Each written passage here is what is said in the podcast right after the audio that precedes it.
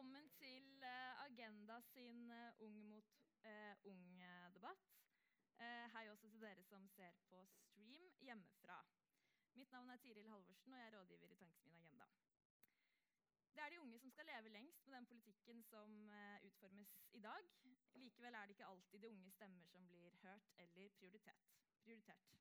Derfor skal Agenda gjennom våren invitere unge politikere og samfunnsdebattanter hit til debatt. Kveld er det velferdsstaten som skal diskuteres. Den norske velferdsstaten er kilde til stolthet og til beundring fra utlandet, men også til bekymring knyttet til omfanget, insentiver til å jobbe og finansieringen av den. Samtidig så trekkes den frem som en av hovedårsakene til at uh, Norge er et rikt land med lav ulikhet, høy sysselsetting og god økonomisk vekst. I tillegg har den vist seg ganske nyttig under en pandemi. Men en velferdsstat er ikke naturgitt. Vi kan ikke ta den for gitt. Det er politiske valg som har gitt oss den velferdsstaten vi har i dag, og som avgjør hvordan den vil se ut i fremtiden. Derfor har vi invitert to politikere hit i dag. Astrid Villa Eide Hoem, leder i AUF, og Ola Svenneby, leder i Unge Høyre. Velkommen opp på scenen.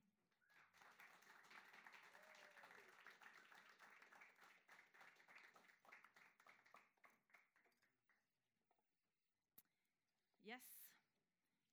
Jeg tenkte vi skulle bare begynne med noen litt sånn eh, konkrete spørsmål og noen litt kortere svar, sånn at eh, vi får plassert eh, dere litt og lagt noen premisser for hva vi skal snakke om gjennom debatten.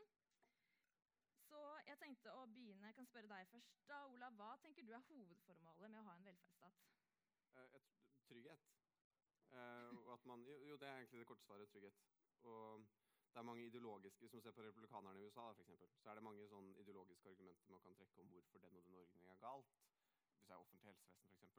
Men spørsmålet være, eh, må jo være liksom, funker det? Og ja, det funker. Sant? Se på de mest vellykkede landene i verden. Alle har i en eller annen form en eh, velferdsstat. Og det er fordi at det gir trygghet. Og har du trygghet, så kan du ta andre spennende valg også, istedenfor at du må bekymre deg for om insulinen koster 1000 dollar for en dose. For eksempel. Mm. Astrid? Det ene er jo trygghet og utjevne sosiale forskjeller. Det at Uavhengig av hvor mye penger foreldrene dine har, så skal du ha like muligheter og en velferdsstat som er med på å tilrettelegge for det. Driver jo ikke bare med velferd fordi det er trygghet og de like muligheter. Vi gjør det også fordi det er sinnssykt lønnsomt for den norske staten. Det at vi har barnehageplasser som gjør at eh, kvinner kan være i jobb, det er jo lik tilsvarende som oljefondet. Det at vi har rause ordninger hvis du blir syk eller går litt på trynet, det gjør også at folk tør å satse og følge trygghet. Og det tjener vi også penger på. Så det er både liksom, tryggheten, det å få ned sosiale forskjeller, men også fordi det er lønnsomt for uh, staten. Mm. Hva slags ambisjoner da, har Unge Høyre på vegne av velferdsstaten? Det må jo være at den overlever, da. Eh, og det er ikke å være dritpessimistisk, liksom. Men eh, jeg synes det er vanskelig av og til når man får et spørsmål som er sånn ok, hva er den største utfordringen til velferdsstaten, så er det veldig lett å peke på én ting. Det jeg er mest bekymret for, er at det er veldig mange ting på en gang. Eh, alderssammensetning i Norge, eh, antall uføre eh, under 30 klimaendringene, og så kan klimaendringene føre til flere flyktninger. og men hva du vil om det, Men det er ikke spesielt billig, uavhengig av hvilken, hvor liberal politikk man skal ha. Og at alle de tingene kommer liksom samme tiår, eh, er jeg litt bekymra for eh, i første, om, første, omgang. Både kostnaden ved det, men også med at det um, kan viljen til å opprettholde en, en velferdsstat er mm. Dine, amb dine ambisjoner, Astrid? Det er å bygge velferdsstaten sterkere. Jeg tror ikke på å kutte seg inn i framtida, jeg tror på å bygge seg inn i framtida og sørge for at velferdsstaten også eh, får flere, gir flere folk uh, muligheter. Uh, og det er også sånn, Vi har jo ikke en velferdsstat bare fordi det er kjekt å liksom, ha en velferdsstat. Det handler jo først og fremst om folk da, og den tryggheten du gir folk. Og når 100 000 barn vokser opp i fattigdom i Norge, så må man jo kunne se dem i øynene og si at du skal også ha like muligheter som dem som har foreldre som har millioner på bok. Du skal også ha like muligheter som dem som har foreldre som har fullført videregående utdanning. Du skal kunne satse, du skal kunne tørre, og du skal også følge den samme tryggheten. Og det må man jo bygge ut velferdsstaten. Fordi sånn som det er i dag, så vet vi jo at det er ganske mange unger som ikke har tilgang på det flertallet av unger har. Om det er barnehageplass, om det er SFO, Eh, om det å delta i barnebursdagen fordi det er for dyrt å delta fordi det koster 50, eller ikke koster 50, men eh, man skal gjerne gi en gave til 50 kroner, så er det også på å stille folk utafor samfunnet. Mm. Så vi er nødt til å gjøre velferdsstaten enda sterkere for å fange opp alle dem og utjevne sosiale forskjeller. Nå hadde Ola en del bekymringer knytta til overlevelsen av velferdsstaten. Har du noen bekymringer? Altså, det er jo klart at Jeg har jo en bekymring hvis uh, Unge Høyre sitt program ene alene skulle ha styrt uh, velferdsstaten framover. Så tror jeg jo at man hadde fått mer behovsprøving og en god del kutt, som jeg er ganske uenig i. Men jeg deler ikke helt den bekymringa som er hele tida sånn Har vi råd til framtidas velferdsstat? Ja, det mener jeg vi har. Både fordi at Hvis vi ikke bygger velferdsstaten kommer vi også til å se at det økonomisk ikke lønner seg for oss. Men også fordi at jeg, jeg tror at man kan ha råd til velferdsstatens bærekraft, da, som man ofte sier, eh, gjennom å stramme til på toppen. Mm. Gjennom å stramme til på formue, på arv, på dem som sitter og eier 500 boliger. Stramme til og ta grep, så har vi råd til velferdsstatens bærekraft. Mm. Hva slags grep er det du er uh, villig til å ta da, Ola, for å få velferdsstaten uh, gjennom de neste 30 årene? Mange. uh, altså, ja, Da er det sted å ta de, det er her og nå. Hva sa du? Da kan du ta de her og nå. Ja, altså for det første, Hvis du ser på statens andel av økonomien, så er den veldig veldig stor. Uh, og det er ikke et, uh, så er det uenighet om det er et problem eller ikke, men det betyr at det er veldig mange kompetente mennesker som jobber i staten, som kunne ha jobbet i privat næringsliv f.eks. Det er steg én. Nummer to er hvis man ser på utgiftspostene våre, så er jo det norske altså sosial, Arbeids- og sosialdepartementet omtrent like stort som det finske statsbudsjettet. Og så er ikke si mye rart om finnene, men, men, det er jo et signal om at det er mulig å gjøre ting på en mer effektiv måte. Og så er jeg helt enig med Astrid at altså, Astrid snakker om å bygge en sterk velferdsstat. I mine øyne så betyr det ofte større også. Og det er veldig lett å hele tiden komme på et problem og si at svaret er at du må inn i velferdsstaten. Eh, eksempel, eh, Skolen må ta mer ansvar for barnas oppdragelse, og så funker ikke den oppdragelsen. og Da er det staten sin feil. At man hele tiden utvider velferdsstaten. Så, så jeg er enig at vi skal ha en sterk stat, men en sterk velferdsstat er først og fremst en effektiv vel, øh, velferdsstat, ikke en som bare eser ut hele tiden. Så at man kan gå gjennom de oppgavene og de utgiftene man faktisk har, mener jeg at det er, er fornuftig. Eh, og syns det er rart å argumentere at det truer velferdsstaten, fordi velferdsstaten er også avhengig av både tillit og legitimitet. Og jeg tror ikke den har legitimitet dersom folk oppfatter at det er eh, betaler for veldig mye ting som både er dyrt og unødvendig og ikke spesielt effektivt. Men det står i programmet deres at dere vil ha økte egenandeler for eksempel, på mm. en lang rekke um, tjenester. Eh, vil ikke det bare være en slags regressiv omfordeling av eh, ressurser som vil gjøre at noen må betale egen lomme, de som har råd til det, og de som ikke har råd til det, kan ikke gjøre det. Hvilken effekt oppnår vi på en måte utover en, en sånn negativ omfordeling av å innføre høyere egenandeler? Så jeg er ikke enig i at det er negativ omfordeling. Det spørs jo hvem som er nødt til å betale, uh, betale disse egenandelene. Um, I helsevesenet f.eks. så um, syns jeg det er rart at man har en egenandelsgrense som er såpass lav. Uh, som på den ene siden gjør at de som har veldig dårlig råd, reelt sett sliter med å betale regningen. Men på den andre siden gjør at de som har veldig veldig mye penger, uh, betaler det samme. Så jeg syns det er prinsipielt riktig også at man i større grad benytter seg av, av egenandeler litt uavhengig av hvor det er. Og så sier man alltid at jo, men så bruker man barnehage som et eksempel. da, for Der er det innført makspris. og Det er et ganske godt eksempel. for Da du innførte makspris, så, gikk jo også, så var det veldig mange av de som hadde minst, som endte opp med å betale mer. Så jeg syns at du kan eh, helt fint mer eh, betale mer egenandeler i, i, helse, i, i velferdsstaten. Unnskyld, jeg er litt sliten i dag, så går litt sakte. Men utgangspunktet for det programmet bare for å nevne det, det er jo at man har lest det som heter eller Man har sett en, hvordan økonomien i framtiden vil bevege seg. Og så har Unge Høyre tatt stilling til at hvis disse rapportene stemmer, hvis vi ikke kommer til å ha råd, hvis vi har for mange utenfor arbeid, hvis vi har for mange gamle, hvilke grep er vi da villige til å ta? Og Et av de første grepene jeg mener er mest åpenbart, det er at man innfører større grad av egenbetaling. Mm. AUF vil ha lavere egenandeler. Ja, vi vil ha lavere egenandeler. Jeg mener at du skal gjøre velferdsstaten mer tilgjengelig for flere. Og så er det jo litt inn på det Ola er, som jeg kan være enig i, at tillit til velferdsstaten er viktig. Og så tror jeg kanskje vi er litt uenige i hva inngangen til den tilliten er. For jeg tenker at Den tilliten den handler om lave forskjeller. Det at vi har tillit til hverandre i Norge, er fordi vi kjenner oss igjen i hverandre. Vi har gått i fellesskolen. Jeg eh, kjenner folk som tror på andre religioner enn meg, som har foreldre med andre jobber, som bor forskjellige steder i landet. Og det er også gjennom velferdsstaten. Det at vi har en velferdsstat som gir oss trygghet og tillit til hverandre. Og der man ser at den tilliten brytes da, eh, gjennom at eh, flere og flere ser at man har behovsprøvd velferdsordningene som gjør at når du betaler inn til skatt, så opplever du ikke at de pengene kommer tilbake til deg sjøl. Det går liksom til den gjengen som er fattig nederst ved bordet. Hvorfor kan jeg ikke bare gi til velferd? Det er jo et uh, argumentasjon man ofte ser i, uh, i, USA. Hvorfor kan jeg ikke gi det til charity i stedet? Mm. Da bryter du også den samfunnskontrakten da, og den tilliten som skal være til velferdsstaten. Jeg tror den handler om at du må bygge tillit mellom folk. Lave forskjeller. Og så har du også tillit da, til velferdsstaten. Eh, og det er jo ikke vanskeligere å få ned forskjellene nå enn før. Altså Av til så snakker man liksom at det handler om trender, globalisering, innvandring. At det er mye vanskeligere å skulle få ned forskjellene nå enn det var før. Men altså, Arbeiderpartiet klarte å få ned forskjellene mens eh, arbeidsfolk ikke hadde lov til å eie jord, ikke hadde stemmerett. Altså Man fikk ned forskjellene mellom kjønna i den tida der kvinner var mannen sin eiendomsrett. Altså Det er enklere nå å få ned forskjellene mellom folk enn det har vært noen gang før. Men det krever politisk vilje. Og da er det to ting man må gjøre. Det ene er at man må bygge ut velferden. Det andre er at man må stramme til på toppen. En annen ting som jeg og Ola er helt enig i, det er å få folk inn i jobb. og Det kan man hente en god del penger av. Får vi inn liksom 7 av alle de unge som går på AAP i dag, så er det 12 millioner rett inn i statsbudsjettet. Det er mye penger. Men det holder ikke i lengden. Fordi Skal vi få ned forskjellene, så må vi også stramme til på toppen blant de aller, aller rikeste. For Hvis ikke så kommer jo aldri en sykepleier til å kunne tjene like mye penger som de som sitter med millioner på bok. Så begge de to tingene må vi gjøre. Ja, det var særlig det med tillit som Astrid eh, snakker om, som jeg bet meg merke i. fordi um, det er litt sånn høna-egget-spørsmål. Det er ikke nødvendigvis bare sånn at vi har tillit til hverandre i Norge bare fordi eh, vi har en velferdsstat. Hvis vi går tilbake til vikingtiden, for eksempel, så var jo viking, samfunnet i vikingtiden langt mer progressive enn det for helt ærlig, ganske mange samfunn er i Midtøsten i dag. Sant? Så det, det, er litt sånn høna-egget-spørsmål. Og så er jeg enig at en del av det er økonomi, men en annen del av det er faktisk også kulturelt.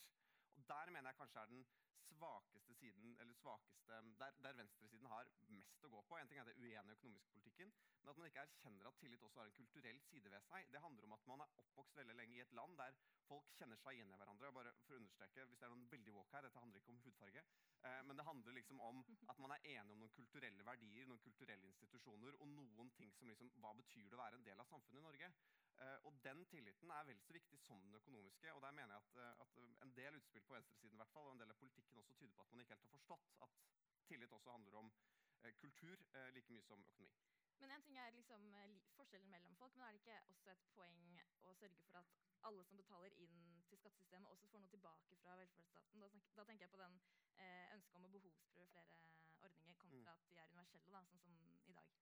Ja, men For det første så er det ganske stor forskjell mellom det egenandel og eh, markedspris.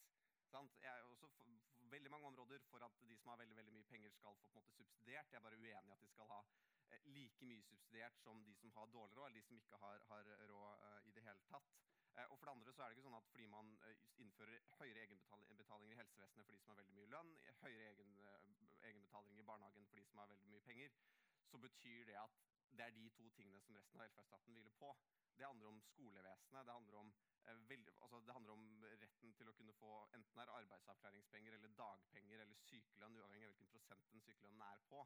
Um, så jeg er uenig i at bare fordi at man innfører uh, høyere egenandeler, enten er i helsevesenet eller um, barnehagene, så kommer alle rike mennesker til å tenke at ah, de kjipe folka som får billigere barnehage enn meg. For jeg tror nok de ville få litt ut av regnestykket, de også. Mm. Astrid, det er jo en lang rekke med tjenester og tilbud som AUF vil ha inn i velferdsstaten. Vi har vært innom lavere egenandeler, bedre psykisk helse, gratis for de under 25 eh, gjøre tannhelse til en del av folketrygden osv.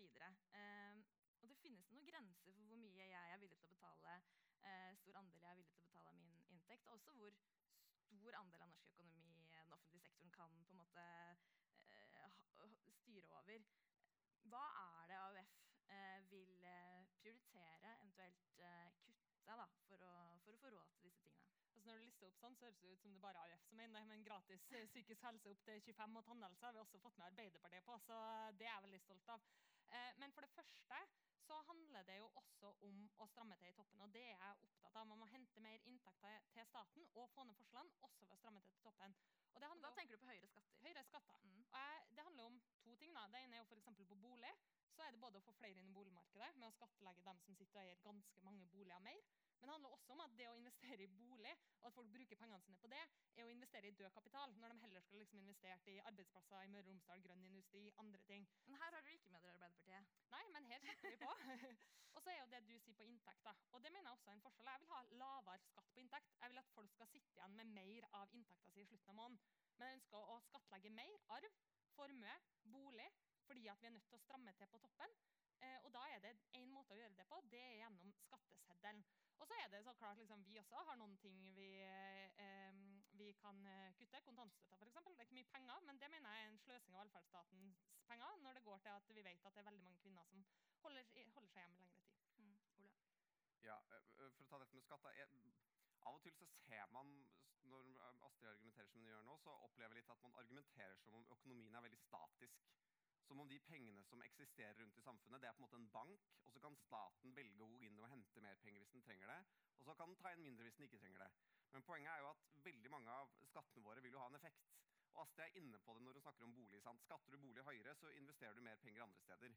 Men det argumentet må jo også gjelde når du skal hente inn mer skatt på toppen. Fordi, og Uavhengig av hvor du setter toppen, jeg mistenker kanskje at den toppen er ganske langt ned, eh, så, så vil jo det få noen konsekvenser for økonomien. Poenget må jo være at økonomien skal bli størst mulig, og så er for staten sin finanser sin del det er litt irrelevant hvor de 15 milliardene kommer fra. Men det er det best mulig at er, øh, altså, prosentandelen må være irrelevant. Det må at staten har nok penger, og det er den fordelen at økonomien blir, blir, størst mulig. Og så er jeg helt enig med Astrid at, man, eh, at det er noen liksom, strukturer i økonomien som man har diskutert veldig lite, f.eks. bolig. Men jeg syns det er litt rart at man argumenterer med at man skal gjøre det mindre lønnsomt å investere i bolig, samtidig som man også skal øke skatten for resten. Sant?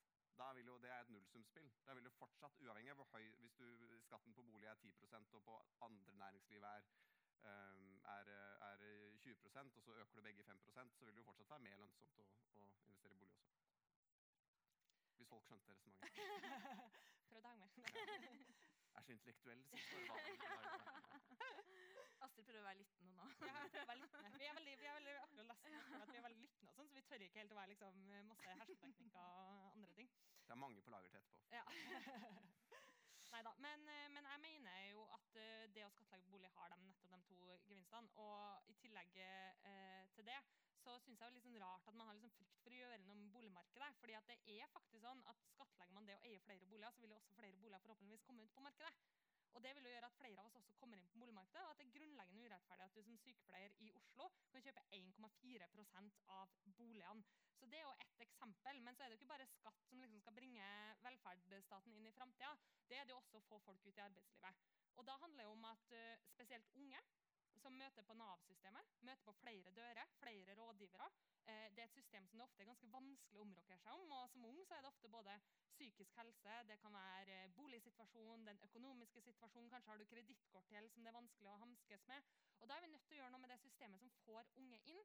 At man møter én dør, at man vet hvem man skal forholde seg til, mm. og at man også får den oppfølginga man trenger. Og Da har jo for AUF foreslått at vi skal ha en ungdomsgaranti opp til 30 år. Altså Du skal rett på enten tiltak, arbeid eller utdanning når du er 30. Og Da må man jo også gjøre endringer i Nav-systemet. skal man få til det, For da må man jo mye raskere ut. Og som jeg var inne på i sted, så er det å få liksom 7% av dem som er, som er utenfor arbeidslivet blant unge, det vil også generere inntekter til staten. Bra for den enkelte, bra for staten, bra for velferdsstaten, bra for alle. Et kinderegg. Mm. Bare slenge på et spørsmål, fordi det handler jo, Nå har vi snakket mye om penger, og det snakkes mye om finansiering her. Men velferdsstaten er jo på en måte til for å som dere var inne på i sted, trygghet og hjelpe folk. Mm. Er velferdsstaten god nok i dag med tanke på det? Klarer vi å hjelpe de vi vil hjelpe? Altså For å være litt selv, selvkritisk på det, så er det svaret helt ærlig talt nei. Sant? Det mener jeg.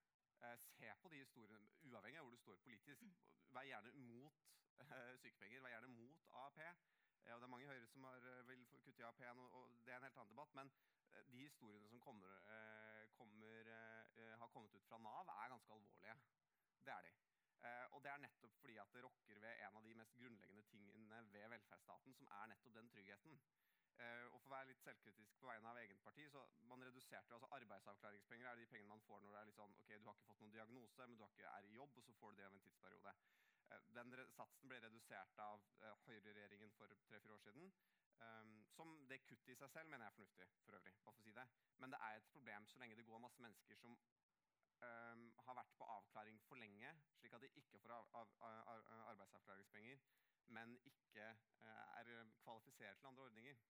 Um, så, så, jeg er enig i at ja, det, jeg, jeg, mener at man, man, også høyresiden vil være litt flinkere til å snakke om de tingene. fordi det rokker nettopp ved den tryggheten, og, og, det er jo den tryggheten som bør være grunnlaget for, for, um, for velferdsstaten også. Og så er jeg enig med Astrid at det er veldig mye vi kan gjøre i Nav. Jeg er litt uenig i løsningene, eh, løsningene hennes. Jeg tror at du på et tidspunkt må skille, fordi veldig mye av den økningen blant uføre under 30 det er ø, psykiske lidelser. Og veldig mange av de psykiske lidelsene tar veldig lang tid å diagnostisere. Samtidig som at når du først har fått en diagnose og et behandlingsløp, så er veldig mange, eh, i veldig mange tilfeller så er den beste behandlingen å være i jobb. Å være i aktivitet. Eh, så, slik at man, jeg tror man må gjøre noe med hvordan uføretrygd fungerer i dag. For du har jo de som helt reelt sett er uføre, kommer til å være det resten av livet når de er 25, og det er helt greit. Det er helt fair. Eh, bra at staten tar vare på dem. på en måte. Mm. Men så er det også de som kan få endret livssituasjonen etter hvert. og Der spesielt tror jeg det er mye man kan Det en kritikk mot velferdsstaten, liksom sånn at det kan bli for standardisert og for lite fleksibelt, og at man eh, ikke klarer å gjøre velferdsstaten og hjelpen på en måte tilgjengelig til de som trenger det? Unge Høyre skriver om velferdssamfunnet. på en måte. Mister vi noe eh, på veien når man snakker om systemer og ytelser og, og Nav? Ja, Noen ganger gjør man jo det, og det så man jo eh, senest i pandemien med de eh, unge som eh, var i Nav-systemet som ikke hadde mulighet til å ta høyere utdanning samtidig, for eksempel, eller fullføre fagbrevet, fordi at du i realiteten taper penger på det fordi du mister stønaden. Mm. Eh, og da kan man jo si sånn Hvorfor skal folk på stønad eller folk som er utenfor arbeidslivet inn i høyere utdanning og fortsette å beholde de stønadene? Hvis det gjør at de kommer i jobb, så mener jeg det er helt riktig. Og Derfor er jeg glad for at det også har skjedd endringer på det området som gjør at uh, man har større fleksibilitet. Uh, og en del steder så er jo er man nødt til å forme systemene mer opp mot menneskene. Og Nav-systemet er ganske standardisert sånn som det er i dag. og Det er jo derfor vi også har foreslått det der om at du kan være litt utradisjonell da, i møte med ungdom. At du ikke trenger å forholde deg til alle de avdelingene du har på Nav, og da skal du dit, og så skal du til boligkoordinatoren, og så skal du til han. At du kan møte den ene døra inn, og at de også har ansvaret for å følge deg gjennom hele løpet, for Så, så en del ting kan man gjøre for også å gjøre eh, velferdsstaten mer fleksibel. Men det viktigste er at alle har den grunnplanken av trygghet. da. Og der er jo der jeg og Ola skiller veldig lag eh, på, en måte, på høyresida og venstresida, er jo at jeg, har aldri helt skjønt den der at, eh, at hvis du har mye fra før, så skal du på en måte eh, bli motivert av å få mer. Mens har du lite, så blir du motivert av å få mindre. Og en av de debattene vi kanskje har oftest, det er jo akkurat om sykelønn, som Ola var inne på. Og nå har vi akkurat vært gjennom en pandemi der vi ser at det er forskjell på hvem som kan holde seg hjemme og ikke når man er syk. Altså, Jeg kan ta hjemmekontor eh, hvis jeg er litt eh, snufsete og litt dårlig i halsen. Det kan du ikke hvis du er bussjåfør, sykepleier. Det er ganske mange jobber der du ikke har muligheten til å ta hjemmekontor. Og Da er det viktig å ha den tryggheten i bånn. Den tryggheten på at du eh, får penger utbetalt når du er syk, at eh, det ikke går utover økonomien din. Og så er det også en litt sånn rar tanke om liksom, velferdsstatens bærekraft og perspektivmeldinga. og alt det, For den snakker jo liksom altfor mye om økonomien rundt det, og litt for lite om folk. For det er jo ikke sånn at folk i arbeid er truer velferdsstatens bærekraft. Det er jo dem som er velferdsstatens bærekraft. og Da må man også legge til rette for at de har trygghet når de blir syke, eh, for at ungene deres eh, får de samme mulighetene som andre osv. Kan arbeidslinja bli litt for streng, Ola? Jeg det, er, det er et vanskelig spørsmål. Jeg, jo, når man snakker om arbeidslinja, så er det liksom hva skal jeg si, Det er litt sånn ordet feminist. ikke sant? Hva mener du? Nei, det er Er jeg alle perf? Nei. Jo, men det inneholder veldig mye. Jeg skjønner aldri helt hva man sier når man mener arbeidslinja. skal Men alltid lønne seg å jobbe. Ja. eller? det mener jeg. Ja, men det er, det mener jeg, det er prinsipielt riktig at det, at, alltid skal uh, lønne seg At alltid skal lønne seg å jobbe. Men kan man da også gå på, på måte, litt grann på akkorden, den tryggheten og den muligheten til å leve et godt liv selv om man ikke kan jobbe? Nei, ikke hvis, det, hvis systemet og tiltakene og, og de utbetalingene man har, er innrettet godt nok. Og det er jo på en måte målet ved dem også, at det skal være mulig å være ufør. Spørsmålet er om det er det i dag, da. Nei, og det, det vet jeg ikke, fordi jeg mener litt sånn Dette er mulig jeg går litt utenfor hva jeg har mandat til å gjøre fra mitt eget partiprogram, men jeg mener litt sånn Jo, men jeg mener at eh, norske politikere øh, Dette er egentlig en del av en veldig stor rant, men fader, altså disse politikerne som vokste opp på 90-tallet, eh, sånn Jens Stoltenberg og, og den generasjonen der, skjønner ikke hvilken verden de lever i lenger. De er oppvokst med sånn der Francis Fukuyama, end of history, og så hadde man en reform i 2001. Heia Stoltenberg 1, mest borgerlig regjering som noen gang har vært.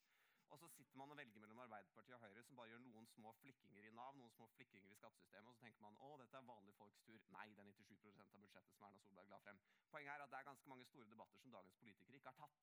En av de handler om hva slags Nav-system vi skal ha. En annen av dem handler også om skattesystemet. Så man godt diskutere, for Jeg driter i formuesskatten. Kan godt beholde formuesskatten for min del, så lenge vi får beveget skattedebatten litt lenger. Der det handler om hvordan skal vi, få, eh, hvordan skal vi kompensere for eh, internasjonal skatteflukt, eh, kapitalbeskatning. Eh, forskjeller er et argument, ikke av seg selv, men disse debattene har disse 90-tallspolitikerne ikke tatt.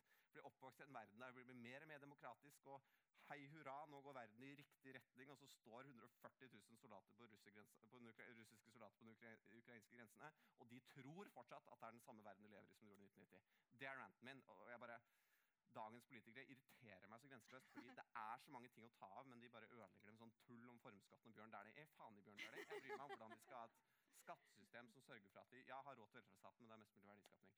Unnskyld, men dette har jeg bare tenkt på veldig lenge. Var det dette Snorre Valen mente? Jeg er litt usikker. Men, Men dette er jo- ja, det er sant. Ja. Men dette opp, oppfatter jeg som en invitasjon da, Astrid, til, å, til at dere unge sammen kan eh, se litt eh, mer grunnleggende på. Altså, jeg tror jeg og Ola er helt enige. at Vi mener at uh, det også er forskjeller en ting er liksom, Dere er ikke enige forskjeller mellom folk som er farlige, men det er også forskjeller mellom generasjonene som jeg også er veldig bekymra for. Så har vi nok en god del ulike løsninger. Men det er jo bekymringsverdig når man ser på pensjonen til foreldregenerasjonen, som kommer til å være drastisk bedre enn den pensjonen vi kommer til å sitte igjen med. Når man ser på boligmarkedet, altså der foreldrene våre kunne kjøpe seg inn på boligmarkedet for under millionen og være med på hele den eventyrlige prisveksten, mens nå sliter liksom unge med å komme seg inn i boligmarkedet i de store byene. Og på bygda så er det vanskeligere å kjøpe bolig uten at du taper penger på det på sikt. Eller hvis du ser på psykisk helsehjelp, hvor lange køer unge er nødt til å stå i. Det er klart at det er noen generasjonsforskjeller her som man er nødt til å ta tak i. Uh, og der mener jo jeg at, uh, at, hvis man ikke skal få en generasjonskrise på andre sida av pandemien, nå, så må de store pengene nå gå til unge. Mm. Det må gå til psykisk helse for unge. Det må gå til å få unge inn på boligmarkedet.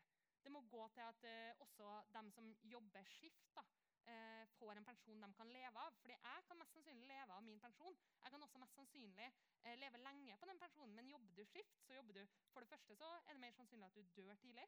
for det andre så sitter han også med mindre pensjon, fordi levealdersjusteringa er urettferdig. Mm. Ola, pensjon?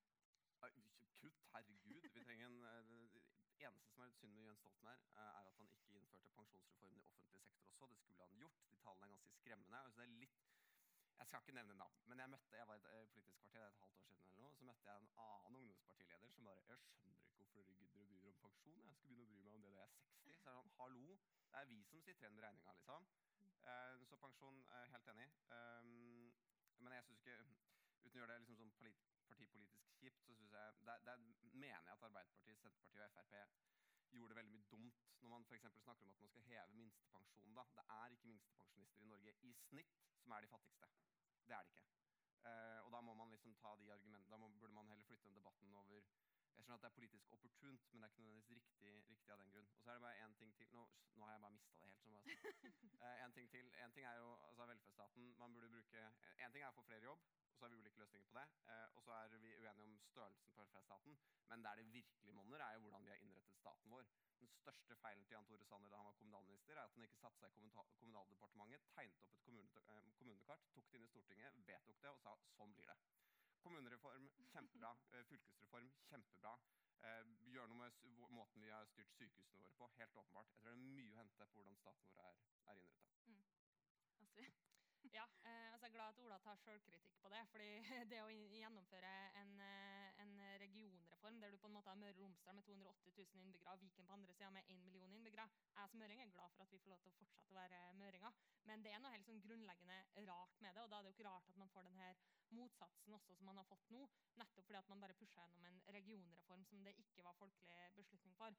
Men så tror jeg også at hvis man skal snakke videre på, på pensjon, da, så er det jo en del urettferdig vi gjør for dem som er minstepensjonister i dag. For så fjerna vi jo enkepensjon.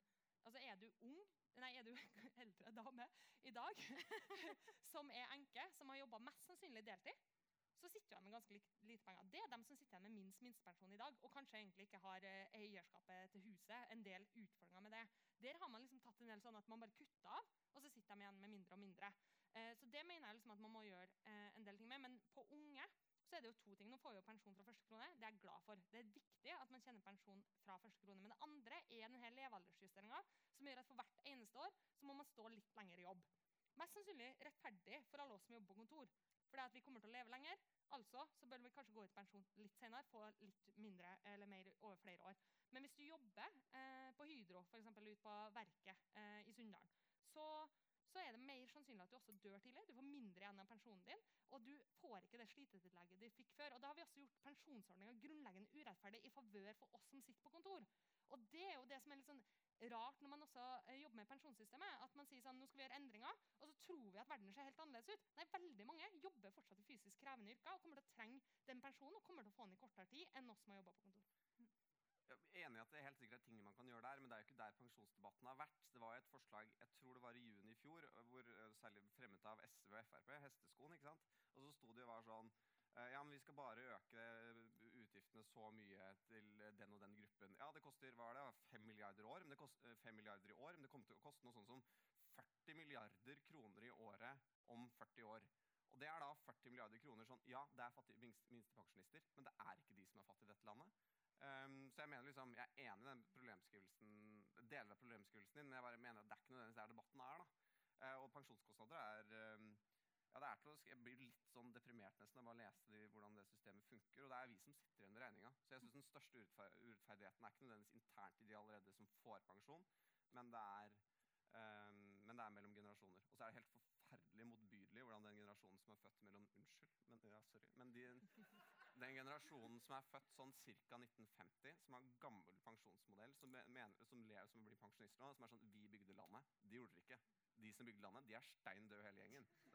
Dere har vært med på velstandsveksten på oljeprisen. Dere kunne kjøpt dere leilighet til 200 000 i 1990, og så sitter du nå og skal graf, grafse til deg mer pensjon. Hallo! Hva er det du driver med? Og det, blir- og det blir bare et problem, for det verste med den gjengen er at de stemmer.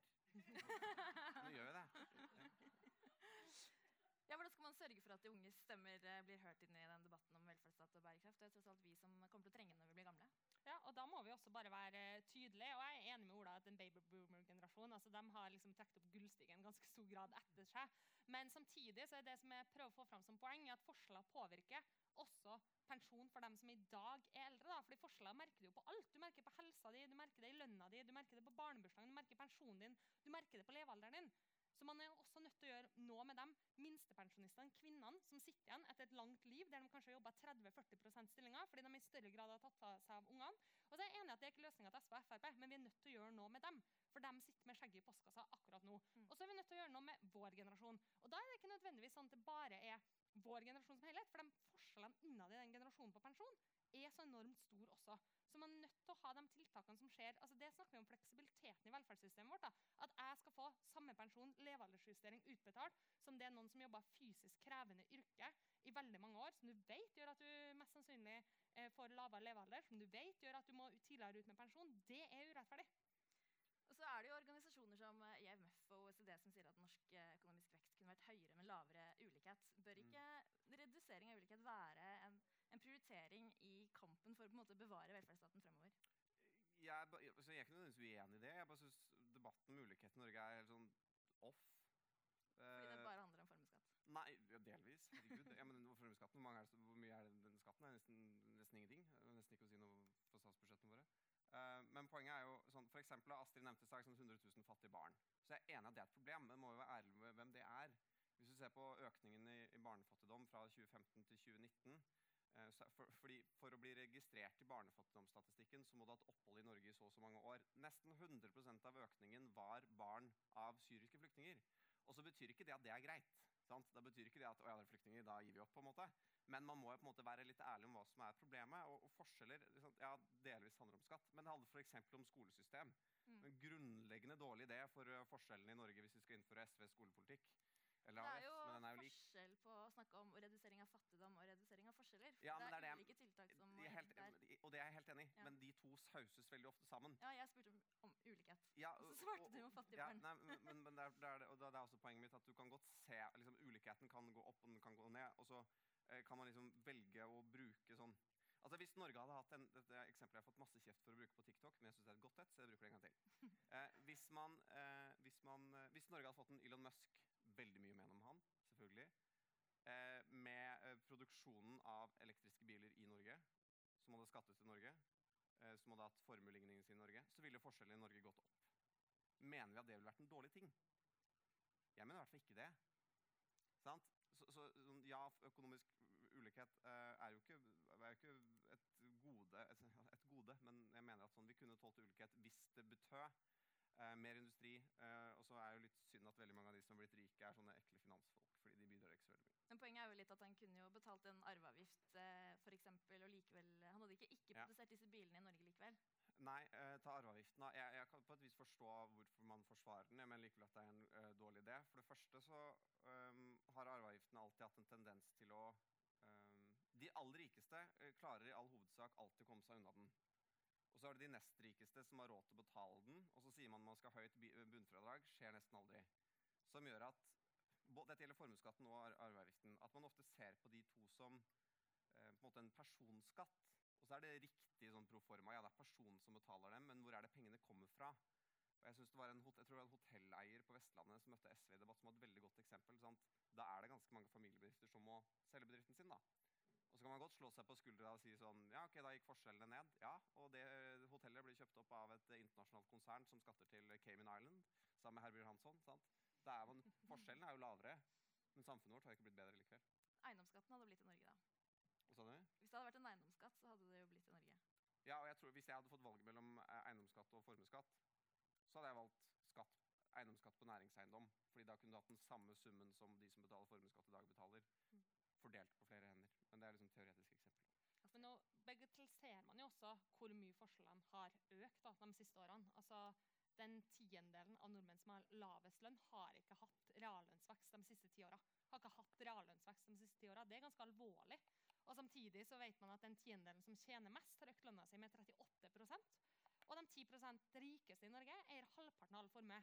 Altså, Forskjellene i Norge begynner å bli ordentlig reelle, og det er ikke nå man merker det. Det er ikke nå når forskjellene er stigende at man merker det i aller størst grad. Man merker det når, når samfunnet gradvis endrer seg. Gradvis endrer seg til at uh, det blir mer og mer etterspørsel etter at man skal ha private helsetilbud, private barnehager, private skoler. Gradvis etter at man bor i helt forskjellige mønster, sånn som man ser helt tydelig i Oslo. Der de som har aller mest bor på vest, og de som har mindre bor på øst. Og Da får du også nedarva forslag, som vi fortsatt har i Norge. Altså Vi vet jo at det er sånn at hvis foreldrene dine har droppa ut av videregående, så er det mer sannsynlig at du dropper ut. Mm. Vi vet også at hvis foreldrene dine er utenfor arbeidslivet, så er det mer sannsynlig at du også havner utenfor arbeidslivet. Og det må vi ta tak i. Fordi Norge har vært et land med lave forslag. Det har tjent oss godt over mange år. Det har også gjort at uh, folk som kanskje ikke har foreldrene som har ressursene til det, likevel kan bli den beste i sitt område. Likevel kan være det talentet vi trenger. da. Um, men da er vi nødt til å ta tak i det nå, og det er det som bekymrer meg. at denne høyresiden liksom snakker om forslag, og så er de sånn, men det er egentlig ikke et problem, for hvis én har blitt kjemperik altså Jo, det er også et problem. Altså Om Bjørn Dæhlie bor i Norge eller bor i utlandet, jeg bryr meg ikke så mye. Men hvis han alene hadde tjent så mye at det hadde gått utover inntektene til fellesskapet, eller hvis mange nok sitter på så stor formue at det går utover resten av oss hvis de flytter ut, ja, da er det et problem. Og Da er man også nødt til å gjøre noe med den formuen. og Da kommer vi tilbake til det. fordi du kan der vi er helt enig, Få så mange folk du vil inn i jobb, og det kan hente inn eh, penger til velferdsstaten. det også. Men du kan få så mange du vil i jobb, men en sykepleier kommer aldri til å tjene så mye som dem som sitter med mest fra før. Så du vil ikke få ned forskjellene, og da må du politisk gjøre noe med det. Og da må du, sånn som jeg har vært inne på hele debatten, både gjøre noe med velferdsstaten, men også kutte i toppen. Er det en trussel da, mot velferdsstaten hvis folk lever i forskjellige verdener, og man slutter å slutte opp om de felles eh, institusjonene som jo velferdsstaten er? Jeg tror det må bli noe Mm. av det siste Også, det er jo, eh, dette er både liksom inne på i sted, både kulturelt og økonomisk, at Norge har vært et og det er, det er et godt konservativt argument også, hvis det er noen sånn liberale hippier i salen, som er at Norge har jo vært et samfunn med små kulturelle forskjeller, og så er økonomiske forskjeller variert litt. Og jeg er mer bekymra for på en måte at limet i samfunnet går opp. Så mener jeg at det handler om veldig mye mer enn økonomi i seg selv. Det handler helt åpenbart om integrering òg, f.eks. handler om bostedsmønstre, handler om hvilke muligheter du har hvis du er fra der jeg eh, er fra Solør i Hedmark, som er for helt ærlig få. Um, gammel leder av Unge Høyre, da. Um, så, så i hvert fall samfunnslimet går opp i limingen. Det, det er jeg enig i at det er et problem. Men jeg syns man har litt sånn nostalgisk minner, minner litt om måten Mimir Kristiansson argumenterer på. Da. Ja, 1970 så var eh, forskjellene så små. Ja da, homofili var forbudt, og kvinner var lenket til kjøkkenet, og det var ikke så mye verdiskaping her i landet. sant? Altså, er vi, har vi det et bedre samfunn i dag, og har vi hatt et bedre samfunn de siste ti årene enn det vi hadde på 60-, 70-, 80-tallet? Men man må vel ta denne debatten nå før forskjellene blir så store at vi ikke kan reversere de enkelt? Ja, absolutt, men, men poenget er sånn, det er ikke noe, jeg, jeg grunnleggende i at, man peker på torsdag og forskjellen var mindre da. Ja, og det var et dårligere samfunn òg. Men altså, nå har jeg hørt Ola sagt det to ganger, det der med at det er litt naivt av venstresida å ikke snakke om uh, kultur i større grad. Men jeg tror ikke helt på det resonnementet. For det første så tror jeg at det var større kulturelle forskjeller i Norge når folk var leilendinger, og noen andre satt med ganske store eh, eiendommer og eide egentlig deres arbeidskraft. Jeg tror også det var ganske mye større forskjeller i Norge når min bestemor for eksempel, bare fikk lov til å ta tre års utdanning og måtte bli sendt hjem fordi det var rullerende skole og andre ting. Da var det større forskjeller og større ulikheter kulturelt i Norge. Jeg tror at det handler om én ting, og det handler også om de sosiale forskjellene. Og Når du viser til statistikken med innvandring med, med mm, syriske barn osv., så, så vet vi også at se på Oslo by, at det er ganske store forskjeller mellom å bo på Tøyen og Holmenkollen. Og ja, det bor en større del av eh, befolkningen med ikke-etnisk norsk bakgrunn der. Men samtidig så handler det også om sosiale forskjeller. Det handler om har foreldrene deres 100% jobb? Har de en bolig? De aller fleste leier. Er i kommunalbolig, f.eks. Ja, da er også forskjellene inn der, fordi du kommer aldri til å tjene like mye som dem som har eid sin egen bolig. Får man god nok norskopplæring til å komme seg inn i det norske samfunnet? Jeg tror ikke helt på den forklaringsmodellen nødvendigvis om at det er så store kulturelle forskjeller. Jeg tror også det handler om de økonomiske forskjellene, og at de kulturelle forskjellene i Norge også har vært større i en tid da liksom folk ikke hadde stemmerett, ikke eid sin egen jord. Det er ikke enten eller, det er både og. Sant? Eh, og jeg mener sånn helt, mener helt jeg mener er ganske litt sånn egentlig no-brainer å mene at sånn selvfølgelig har hvordan samfunnet vårt kulturelt er skrudd sammen, har noe med å gjøre hvorvidt man ønsker å betale for noe eller ikke. Eller har noe med for en måte velferdsstatens legitimitet. Og så er det ikke at jeg tviler på den akkurat nå, men jeg er oppriktig bekymra sånn jeg mener, men For øvrig, da. eh, Det, det, altså, det, henger, det henger litt sammen med 22. juli-debatter, ytre høyre, ytre venstre. Altså, kan, man, man kan liksom skylde på økonomi, men, men det var ikke en plutselig økning i dette er ikke, for det er ikke fordi jeg mener at innvandring alene er skylden. bare for å understreke det, Men det var ikke økonomi, økonomiske forskjeller i 2015 som gjorde at AFD plutselig ble veldig stort. Sant? Skjønner du poenget mitt? Ja, men jeg er ikke enig. i Nei, okay, ok, men så lenge du skjønte det, så går det fint. Nei, så, så poenget mitt er, jeg mener at det, det er, jeg synes det er for enkelt å si at ja, men forskjellene har økt, derfor gikk det sånn. At man bruker liksom økonomiske forskjeller et argument for alt. Jeg mener at det er sånn, ja, det handler om det. Handler om det. Altså, økonomiske forskjeller, En ting er at du er uenig om hvor rik man skal være, og, og om det er et problem om Norge har Elon Musk. Uh, jeg tror Det viktigste er uansett at du ikke får en sjettedel av samfunnet. At du har en sjettedel av samfunnet som ikke har økonomisk vekst, som ikke henger med kulturelt, som for barn er uføretrygda, for barn som er uføretrygda, som har lav mobilitet, som blir boende på dårlige steder. Men det handler også litt om kultur. Og, og kultur høres ut som Christian Tybring gjennom, men dere skjønner hva jeg mener, håper jeg. Ja. Dere som er enig med meg, gjør det i hvert fall. Astrid, det tror du vi får siste ordet nå. Ja, altså det tror jeg bare vi er uenige. da, for jeg tror jo liksom at Hvis man skal dra de samme resonnementene, at storminga av Kongressen også starter med at det er såpass store økonomiske forskjeller at du ikke kjenner deg igjen i hverandre, at du ikke har tillit til hverandre, at det bygger seg opp over tid, og til slutt snakker du ikke sammen. altså USA er ekstremtilfelle på det. Du ser på forskjellige kanaler. du ser på, og det er liksom, Selv om jeg mener at eh, Ola og Høyre bør kutte båndene til republikanske partiet, så er jeg glad for at det er stor avstand der. Men, men det tror jeg altså bunner ut i en del økonomiske forskjeller. Fordi at du slutter å kjenne deg igjen i hverandre, du slutter å se på den samme TV-kanalen, du slutter å gå i de samme, eh, samme lokalsamfunnene. Og det er ganske bekymringsverdig, for når du bryter den tilliten da, Og det tror jeg også handler om at når du har såpass store økonomiske forskjeller, så er det også lettere å legge skylda på noen andre. Altså Det er innvandrerne som kommer og tar jobbene våre. Altså Går man litt tilbake i tid, så var det liksom, eller fortsatt da, blant en incels-miljø, at eh, kvinner og likestilling er en del av den utfordringa. Altså, du er mer mottakelig også for enkle løsninger når du føler at hverdagen din er såpass vanskelig at det ikke går rundt. Så det eh, var mitt poeng. Dette er egentlig den mest spennende delen av debatten. Men eh, jeg tror vi må si eh, takk for oss.